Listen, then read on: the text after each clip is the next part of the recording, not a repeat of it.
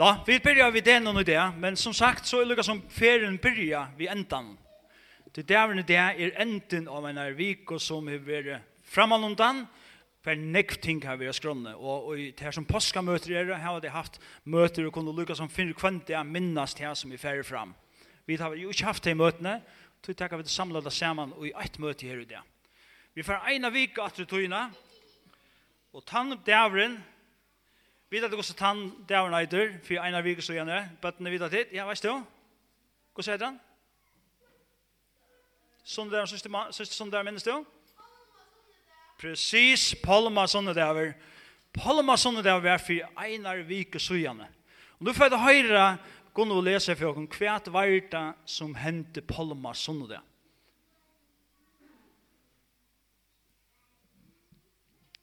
Marskos 11 og 1 11. Tei tar nu narska oss Jerusalem og kom til Betfake og Betania vid Oljefjallet, sendi han tveir lærersvenner svinar av sted og sier vittar. Fær inn i bygdene som bare framme fyrir til kun er. Vi tar sama som de koma inn i henne skulle de finna fil bonde som ikke menneska har sitt i å. Løyse til og leie til her. Sier onker vittikon, hva gjør ditt hatta? Så sier, herre hon tørva til og han sendte til atter her vi tar samme. Der får oss så av sted og funnet file bonde vid dittnar, utanfyre vid veien, og tar løst det. Nægre av timen og stå her, søtt og ta vitt her. Hva er det til gjør? Løsa de file? Men tar svære av teimen som Jesus har sagt, og tar låt og tar få av det. Så ledde tar file til Jesus og løtte klæ i sunn av det, og han sette seg av det. Mong breidde klæi syne av veien, onnur kvistar, og tei hadde skåri av marskine. Tei som undan gingo, og tei som etterfyllte og røpte, Hosianna, signa veri han som kjemur i navni herrans. Signa veri rujtji Davids fægis okkara, som kjemur, Hosianna og hattene. Så får han inn i Jerusalem og i tempelet, og tar han ei huktat ötlun, får han ut til Betania vi hinnom tølv vi til at Longo ver våre kvöld. Til tøyta blei kallar Palma sundar, til det skåru av palmenon og løtte da av veien, og klæger og anna. Kvui var det så glæger om at Jesus for å koma inn i stegen, og for at enda på krossen hon? Nei, det var ikke tøy. De så fyrir seg at nu kom tann kongeren han Messias som det heter finnes lova, som skulle komma og frya deg fra Romverjon. Nu kom han som for å teka vald i landen og for å roa i landen og det hadde slett ikke forsteg hva det var og Jesus var kom for å gjøre.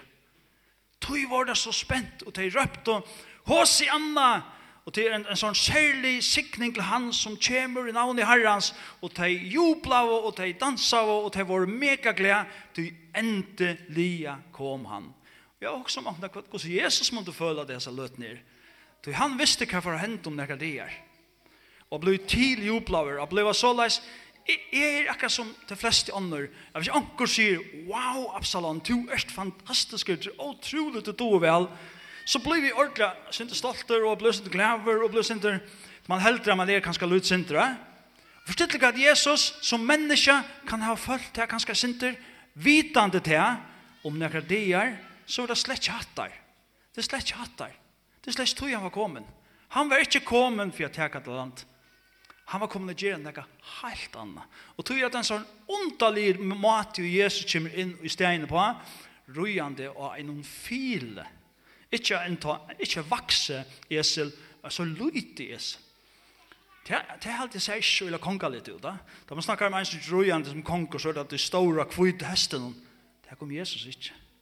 Han kom rujande og sin luttla e, filen, sin luttla eslen inn i stegen. Og ta öll feira av han, så det er miskylta til han var kommet å gjøre nega helt anna. Så gikk han det dier. Dette var sørsta sundag. Månadein, torsdagen og mykedagen. Og nå kommer han så til det. Gunnar, kan du lese det?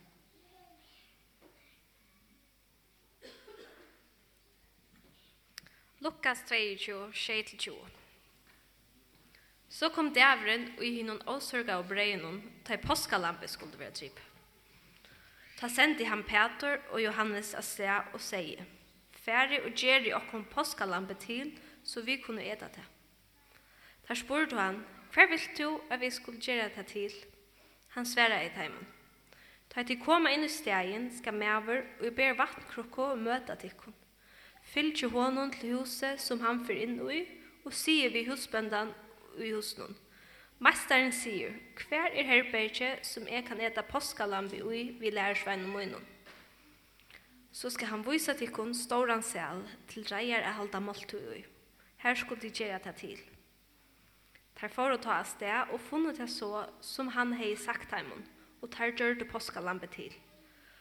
Ta så tog min kom, settes han til bors og apostlene vi hon. Han sier vitt her, men er vi hjertelig langst etter at eta hetta påskalamp vi tikkun og er en eloje. Du är sig tikkun, vi skal aldri atur du til for en til vår fullkomme og rydde gods. Han tog nu kärlek, tackade och säger, Ta ikke hetta og bøyde til mittlen tykkara. Tu jeg sier tikkun, fra hese stund skal jeg ikke drekka av avvøkste vintrasins for en rujtje gods kjemur. Så tok han brei, takkaje og breita, gav taimon og sier, Hetta er lika mot som vi er givet for tikkun, gjeri hetta til minni og me. må leis, tok han eisne kærlikken at han har kvöldmåltøyna og sier, Hesen kærlikker er hin nutje sottmalen i blåe møynun som vi er uthelt for tikkun. Bøttene som ganger sundagsskolen, det synes jeg kanskje ofte at, at båre stender her til vi har møtt, så kanskje, som, som jeg velger, og eisen vi er inne med, vi da tidlig at det som stender av båre noen her, men kanskje som jeg spiglerer på, hva er det de gjør, hvor hever de dette her? Og nå sånn jeg vi det. Det var Jesus sjálfur som sier, gjør jeg etter. Han heier måltøyna, påska måltøyna, til påskjene, det var nekka som heier veri, og lenga, lenga, lenga tøy, Vi leser om påskalampe. Hvis du huksa om en søve, så var det ene for et lamp som ble dripe, og så tok man blåve og smurt i av dora stjavene. Jeg vet ikke, kanskje bøttene og hørst til søvene, og det vaksne vi. Tog at så får angelen forbøy til huset, den domsangelen som vi er ta. Og til mynden av Jesus til påskalamp. Jesus som ble drypen for oss. Så han ville gjerne slippe at ete etter påskalamp som det gjør det hver en saman vi lærer sveinen og tjass her, fire seinaste fyr, og vi vet kvui, tog atan og at her, så er slett ikke nøyet at det er påskalampen nonk, tog ta vær til fullkomna påskalampen komme, det var Jesus sjolver. Og han sier her, han tog, han åt saman vitt heimon, tar hona hos her, tar høyde da en gåa løte saman, myntest atter og an, trofeste gods, gods han hei bjarga, taimen Ushels folk som var i Egyptaland i hina ferner, Og så teker han breie og bryter det og køyrer det rundt til atler og sier «Gjer i hettar for at minnast med». Så tar vi tag av breien og det, så er det for at minnast Jesus. Og så sier han «Vøyne, et eller annet som er saften som er ui her», sier han «Hette er ein nudjur sottmale». Så en nudj avtale. Det er noe nytt som byrjar. Tog fyrr tar vi det gjørst okkur som var gjøtt, som gjørst okkur som var sint, så kunde man gamla døven under Israels atøy, så kunde man drepa lampe, men det, kunde bara, det var bare en mynd. Til ånden hei tidsi refsinsina fyrir det skaiva som var gjørst. Men nu er det nytt hent, og fyrir okkon er det fantastisk, det er nytt sottmale, at vi nu, vi på grunn av Jesus, er er rattvis gjørt. Vi er gjørt rattvis. Som vi som har tid til måte Jesus som sitter her i det, vi er rattvis. Så spyr jeg ikke, følger en rattvis morgen. Da du steg opp sannsyn i morgen og stiller deg fremme for spekkel, og bostad tenn, tankte du, rattviser. Men det er vi. Det er vi. Ikke på grunn av åkken. Vi er rattvis. Vi får langere enn til Da det sier Paulus skriver brøvene til hans imsk sankomnar, så skriver han til deg heiløve. Føler du ikke kan heile han i morgen? Nei. Men vi er det da. Føler de det kan som føringar i morgen? Ja, ja. Men føler de det kan heiløv? Uh, men vi er det nek som vi er føringar. Ja. Vi er lykande grattvis som vi er føringar, etla haunamenn, etla fullføringar, etla klakskiskingar, etla hva vi der. Men vi tar så illt vi har tega til til okkon. Det er ikke bare grunn av nøkka som vi har gjort. Det er alt bare grunn av frelseversen som Jesus kom å gjøre. Så nu færa vi at tega av breien og tega av vinnen, så la som tar gjørt og det er åtte påskalampe. Den seinaste kvöldmåltet som tar kallar av det. Den seinaste kvöldmåltet for jeg gjør det, og nå er bøttene inn her, og til bilar ikke, mian vi for at jeg kan, så er en og for velkommen er bia harst. senda Jesus en tøkk, hvis det ikke var drivet til det, så bia for dem selv, ofte at bøttene er inne, så forstyrrer det sindet det renner rundt, det bilar ikke, bare utelokket det, Lata kom bara hvis det, hvis det hjälper kanske blunta. Det är inte hur man blir mer heilavare av blunda. Det hjälper oss kanske koncentrera oss. Lata kom koncentrera oss om hettar at Jesus hever giver og hettar at minnast se og jøknun. Og Jakob og Lindis kommer bråta breie, og som sagt så er saft til bæg bøtten og vaksin, men er eisen noe vingløs og gjør, så de velger selv hva de vil hava. Så la dem bia saman, og så kommer han til. Herre, takk for at du hever giver og hese minnene. Jeg minn okken nå at du døy for okken. Jeg minn okken også at vi da var nudjan sottmåla. Jeg minn okken også at du har gjort okken rattvois, to har gjort okken heiløv. Og av hans er hvordan vi føler okken, så er vi til på grunn av det her. Herre, hjelp okken at okken okken meira disse veldige gaver som du vil gi okken, sikne hesa løtene, og hjelp okken at minnes til opp at meira. Det blir jo med Jesu navn. Og her blir Jesus teaching, for det fyrir domaren, Og enda vi er så at han blir dømt til det. De falskene som sunnodegin framanundan hadde steg opp, tås i Anna og Signavet, han kom, navn i herrans og alt det der.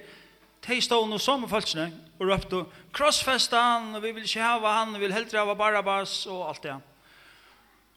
Urslut var så at han ble dømt til å bli krossfest. Og det kommer å lese til jeg bråte på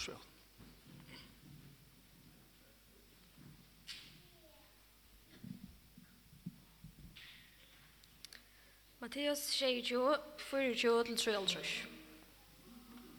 Ta Pilatus nu sa at han ikke makta maktaði, men at gengeren best tok til, tok han vatten og vaskaði seg om hendene for egen føksens og sier. Jeg er sækleiser i blåen av hesen rattvisa, så ikke tid til det. Alt følt ikke svære i. Blå hansere kom i okkon og bøtten okkara. Ta, gav han taimun bara, Barabbas leisan, men Jesus lat han huflunja og gav han upp av vera krossfestan. Ta tog og hermen landshövdingans Jesus vissar inn i borgerna og sauna av alla vaktna rundt om han. Ta låte han ur og hongte skarlagskappa om han. Ta flatta av krono av tørnen og sette henne av høtt hans herre og gå honom rørstav i høyre hånd. Så fotlet her av knæ fyrir honom, hoa av han og søtt, heilur jøda kongren. Og tar spurt av han, og tog rørstaven og slå han og høtte vi honom. Teidar høtte hoa han, låt og tar han ur kappan hon, tog han, nei, låt og han, og i hans er ekno klæje, og fóru av sted vi honom a krossfesta han. Av venon ut her hittu tar mann ur kurene som er Simon.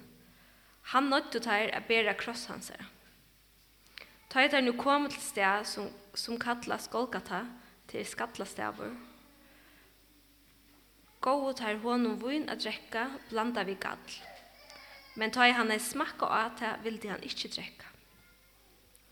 Ta krossfest og han nu og byttu klei hans her mittlen vil lutakast så så du tar her og hilde vakt iver honom. Oppi iver hødd, hødd i hans herre sett og tar te som han var klea og fyre. Her stå. Hetta i Jesus, kongur jødana. Tvær rånsmenn var no krossfester saman vi honom, annar høkrumøyen og annar vinstrumein. Og tei som gingo fram vi spotta og han riste vi høtten og søtt. Tu som bryter nye templi og bytjer det opp etter etter trimundøven, Frelst deg sjolvan. Er du sånne gods, så kom nir av krossen.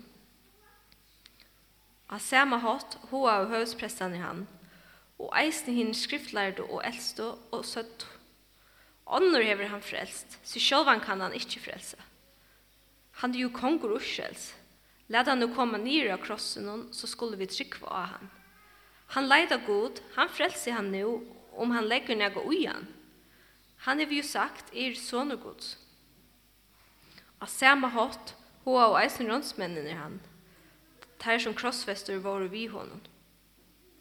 Om satta tøyma kom myrskur iver landet, og det var det lykka til nutjinda tøyma. Om nutjinda tøyma røpte Jesus vi herre rødt. Eli, Eli, lama sabachthani. Det er, god mun, god mun, hver du fern fra meg. Nægra taimon og her stå og søttu tøytar hørt og hetta. Han råpar etter Elias. Og ein tæra leip vi det sema til, tok svamp, fyllti han vi etik, setti han av rørstav og gav hon a drekka. Hine søtt, boie, let jo sutja om Eli, Elias kjemer og hjelper hon. Men Jesus røpte at vi herre rødt og gav opp andan. Ta skrattna i forhengi i tempelen og utvei fra erva loika nyr i jöknun, jøren skalv og klettane klonau. Gravernar oss, og likamni av mongon av hinn heilave og i sona våru borstur risa opp. Tei gingu ut og grøvnun etter oppreisen hans herra og kom inn i hinn heilaja sted og vustu seg fyrir mongon.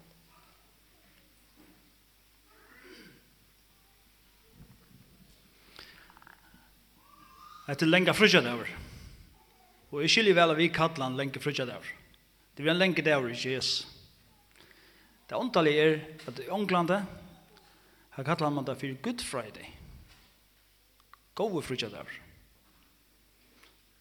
Så hvis ikke Jesus frutja der han var, så er han ikke vann for okk. Så det er sånn fra tveimen søyen kan man sige. Da jeg var smadranger, da hoksa jeg øyelig ofte om hvor var det verre at Jesus ble krossfester og enn tar bare ronsmennene som hink ved syne, og tar puntus deisene. Kanskje det var ikke hovflangter, men Paulus han ble hovflangter. Kanskje det høtte ikke en tørna krona høtten noen. Men allikevel. Det var en rævlig idé for tar reisene.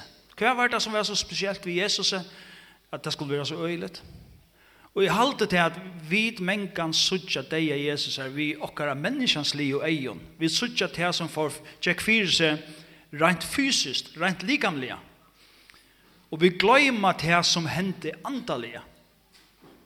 Kvært mundi henda tar trutja tøymanar medan myrskur vær i landet.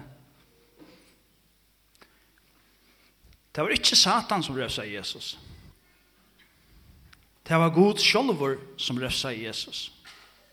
Refsingen fyrir okkara sind, ikkje bæra tja tær og tja mer okkon som er her, men fyrir menneski iver alla tøyer.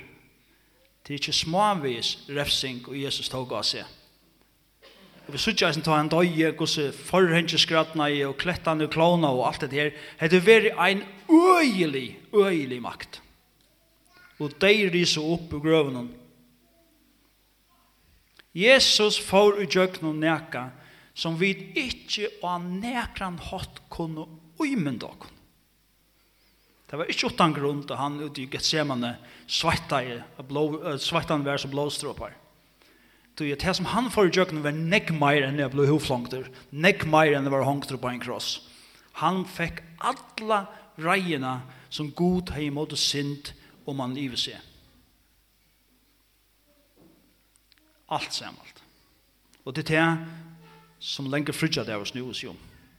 Og det gjør det han, for mine skilt, Til annars var ikke vann for meg, og for tikkere skilt, så la seg vidt kunne ha et gang til god. Og ta i forhånd til skrattene i, så er det en mynd av tog i, det aller heiligste som vi er her inne i tempelen, det var en ånden slapp inn her, utan høvespresteren Einar fra Mari, og ta var det rævelig strengt, gudskjøren kunne komme inn her. Men knappelig han var åpent til en og kvarjon jeg var inn, Og til en mynd av at nu knapplig hadde vi mennesker er gang inn til god, og på grunn av til versen som Jesus gjør det, lenger frutja det.